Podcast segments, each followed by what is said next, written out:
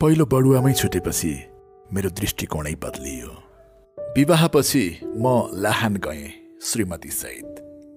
त्यो बेलाको प्रहरी कार्यालय त्यो पनि इलाका प्रहरी। के नै हुन्थ्यो र? न मनोरञ्जनका केही साधन न घरेलु परिवेश।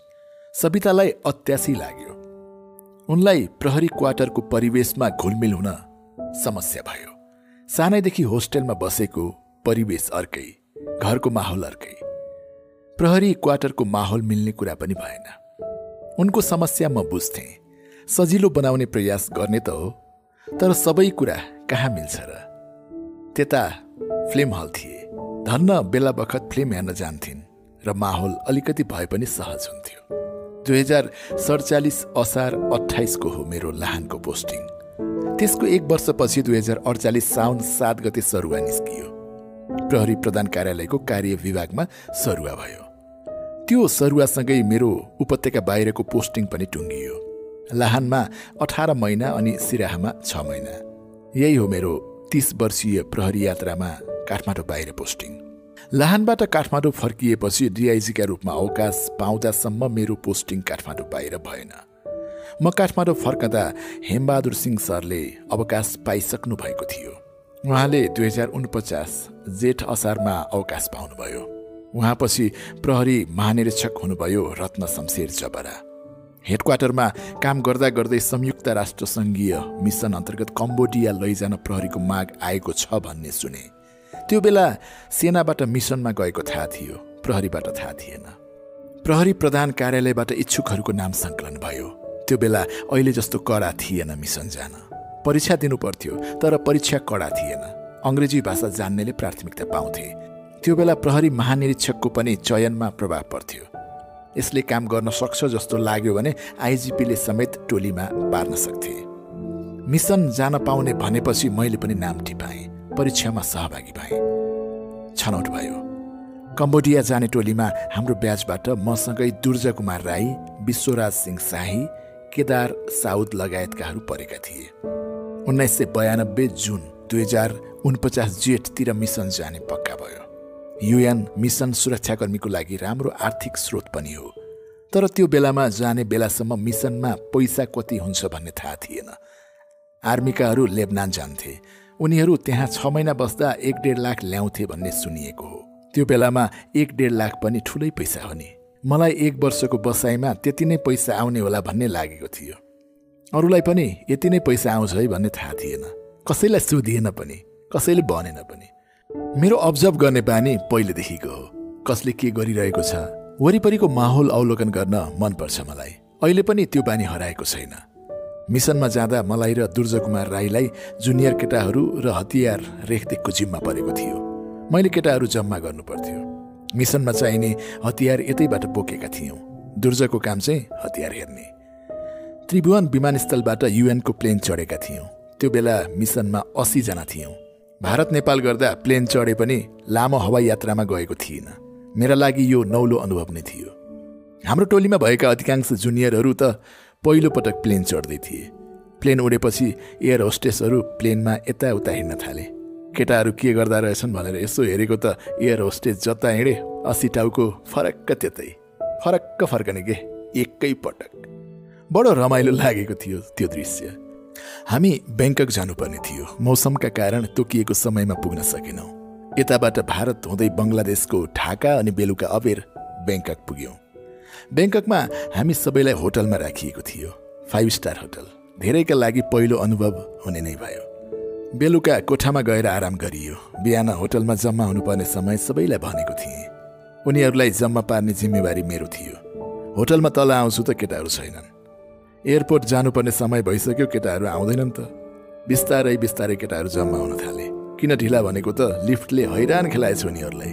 उनीहरूका लागि लिफ्टको पहिलो अनुभव थियो। लिफ्टमा भएको एरो थिच्न जानेनछन्। ठुलो थियो होटल। एरो थिच्दा कता कता पुगेछन् उनीहरू त। हस्याङ फस्याङ गर्दै आएका थिए। लिफ्टको अनुभव भएकाहरूले उनीहरूलाई सिकाउनु पर्ने यादै भएन। अर्को समस्या आइलाग्यो। यति लामो बिल पो आयो। होटलमा बसेको बिल त युएनले तिर्थ्यो। के को बिल रहेछ भनेर हेरेको त केटाहरूले होटलको रुममा भएको बियर चक्लेट सब बजाइदिएछन्। कोठामा राखेको खानैका लागि हो पैसा पर्दैन भन्ने लागेछ। कम्बोडिया पुगेपछि खटाउने स्थान तोक्नु अगाडि केही दिन होटलमै राखेको थियो युएनले। हामी पुगेको दोस्रो दिन ब्रिफिङ थियो। सबैलाई कोठामा राखेर ब्रिफिङ सुरु भयो। ब्रिफिङमा त्यहाँको अवस्था गर्नुपर्ने कामहरूसँगै आउने पैसा पनि भने। पहिलो महिना दिनको एक सय साठी डलर। बाफ्रे बाफ। एक सय साठी डलर दोस्रो महिनादेखि दिनको एक सय पैँतालिस डलर अरे बाफ्रे पैसा सुनेर हामी सबको दिमाग खराब। त्यो बेलामा एक डलर बराबर पचास रुपियाँ जति नेपाली थियो होला। दिनको त्यत्रो पैसा आउने भनेपछि त सबको दिमाग खराब हुने भइहाल्यो नि। सब एक वर्ष बस्दा कति पैसा आउने रहेछ भनेर हिसाब गर्न थाले। फेरि अर्को घोषणा भयो। फर्म भरेर एडभान्स लिनु होला। एडभान्स लिन गएको त अठार सय डलर। क्यास अठार सय डलर पाएपछि त सबलाई थाल खाउँ कि भाउ खाउँ भइहाल्यो। केटाहरू कम्मरवाला ब्यागमा पैसा राखेर यता र उता गरिरहेका थिए। केटाहरू हावामा उडिरहेथे संसारै किनिन्छ अब जस्तो क्या। म सागर थपलिया अनि नवराज ढकाल सरले क्यासेट पनि लाग्ने सिडी पनि चल्ने प्लेयर किन्नु पर्यो भनेर बजारतिर गयौँ। भाउ सोधेर एउटाको चार सय सत्ताइस डलरमा किन्ने फिक्स गऱ्यौँ। त्यही बेला हाम्रो एकजना प्रहरी आएर सर यसमा चक्का पनि बच्छ भनेर सोधे। अँ बच्छ भनेपछि उसले एउटा किनेर लग्यो। ऊ होटलको कोठामा पुगेपछि त त्यो किन्न लाइ नै लाग्यो। छ सातजनाले भटाभट उठाए। होस् भनेर हामी नकिनी फर्कियौँ। दुई चार दिन त होटलको माहौलै अर्कै। केटाहरूले पैसा भएको ब्याग छाडेका होइनन्।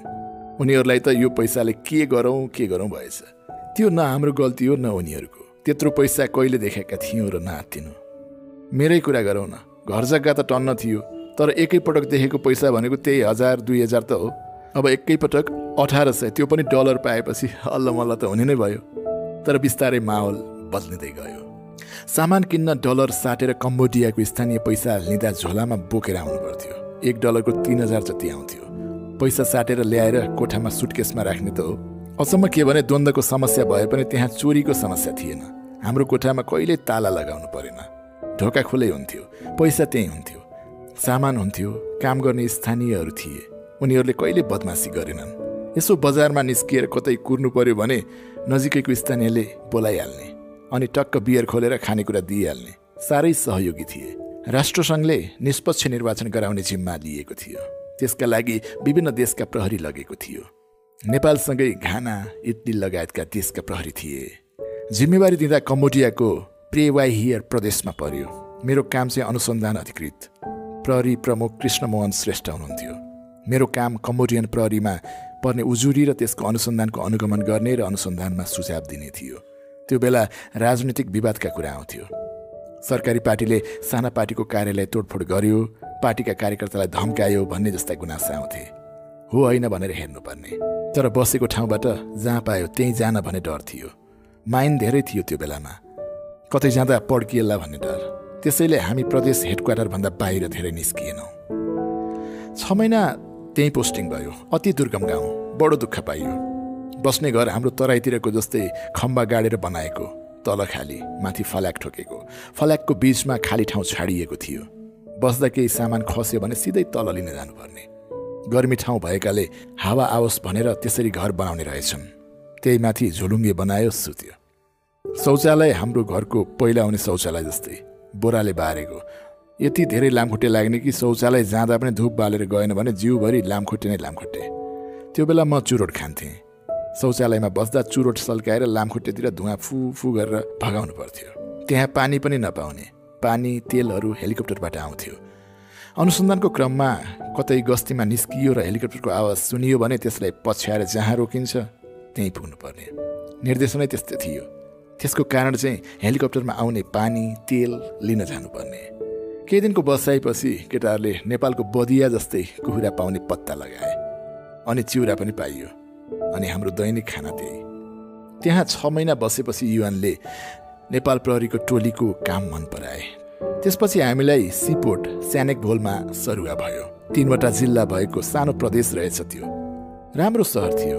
त्यहाँ चुनाव गराउनु पर्ने जिम्मेवारी थियो हाम्रो। प्रि फाइभले बनाएको कार्यालय थियो। समुद्र किनारमै थियो अफिस त्यहाँ हामी दसजना नेपाली थियौँ। नवराज ढकाल साहब दुर्ज कुमार राई पनि थिए। दुर्ज चाहिँ जिल्ला प्रमुख नवराज सर चाहिँ प्रदेशको प्रशासन हेर्नुहुन्थ्यो। त्यहाँ गाडीहरू टन्नै थियो। दुईजना प्रहरी भयो कि एउटा गाडी पाइहाल्ने। रमाइलो भयो त्यहाँको बसाइ। एक वर्षको बसाइ सकाएर नेपाल फर्काँदा मसँग बाइस लाख थियो। त्यो बेला बाइस लाख रुपियाँ भनेको धेरै हो। त्यसले जग्गा किने। अहिले म जहाँ बसेको छु त्यो घर त्यही बेलाको कमाइ हो। कति प्रहरीले त मिसनबाट फर्किएर जागिर पनि छाडे केही बिग्रिए पनि केहीले त्यसैको सहयोगमा जीवन सुधारे पनि। मेरो चाहिँ प्रहरी निरीक्षकको कमाइले अवकाश जीवनलाई सहज बनाइरहेको छ। अब जति पैसा भए पनि नपुग्ने पनि हुन्छन् तर प्रहरीको एक वर्गलाई भ्रष्ट हुनबाट युएनको मिसनले जोगाएको छ। कुनै प्रहरी त चार चार पटकसम्म मिसन गएका छन्। मिसनको आम्दानीले जीवन सहज हुँदा उनीहरू भ्रष्टाचारबाट टाढै बस्न सकेका छन्। म कम्बोडियामै हुँदा यता प्रहरी निरीक्षकको बढुवा निस्कियो तर मसहित चारजना साथी छुट्यौँ। सुन्दा बडो नरमाइलो लाग्यो। पहिलो बडुवामा छुटेपछि आफ्नो कामप्रतिको दृष्टिकोण नै बदलियो।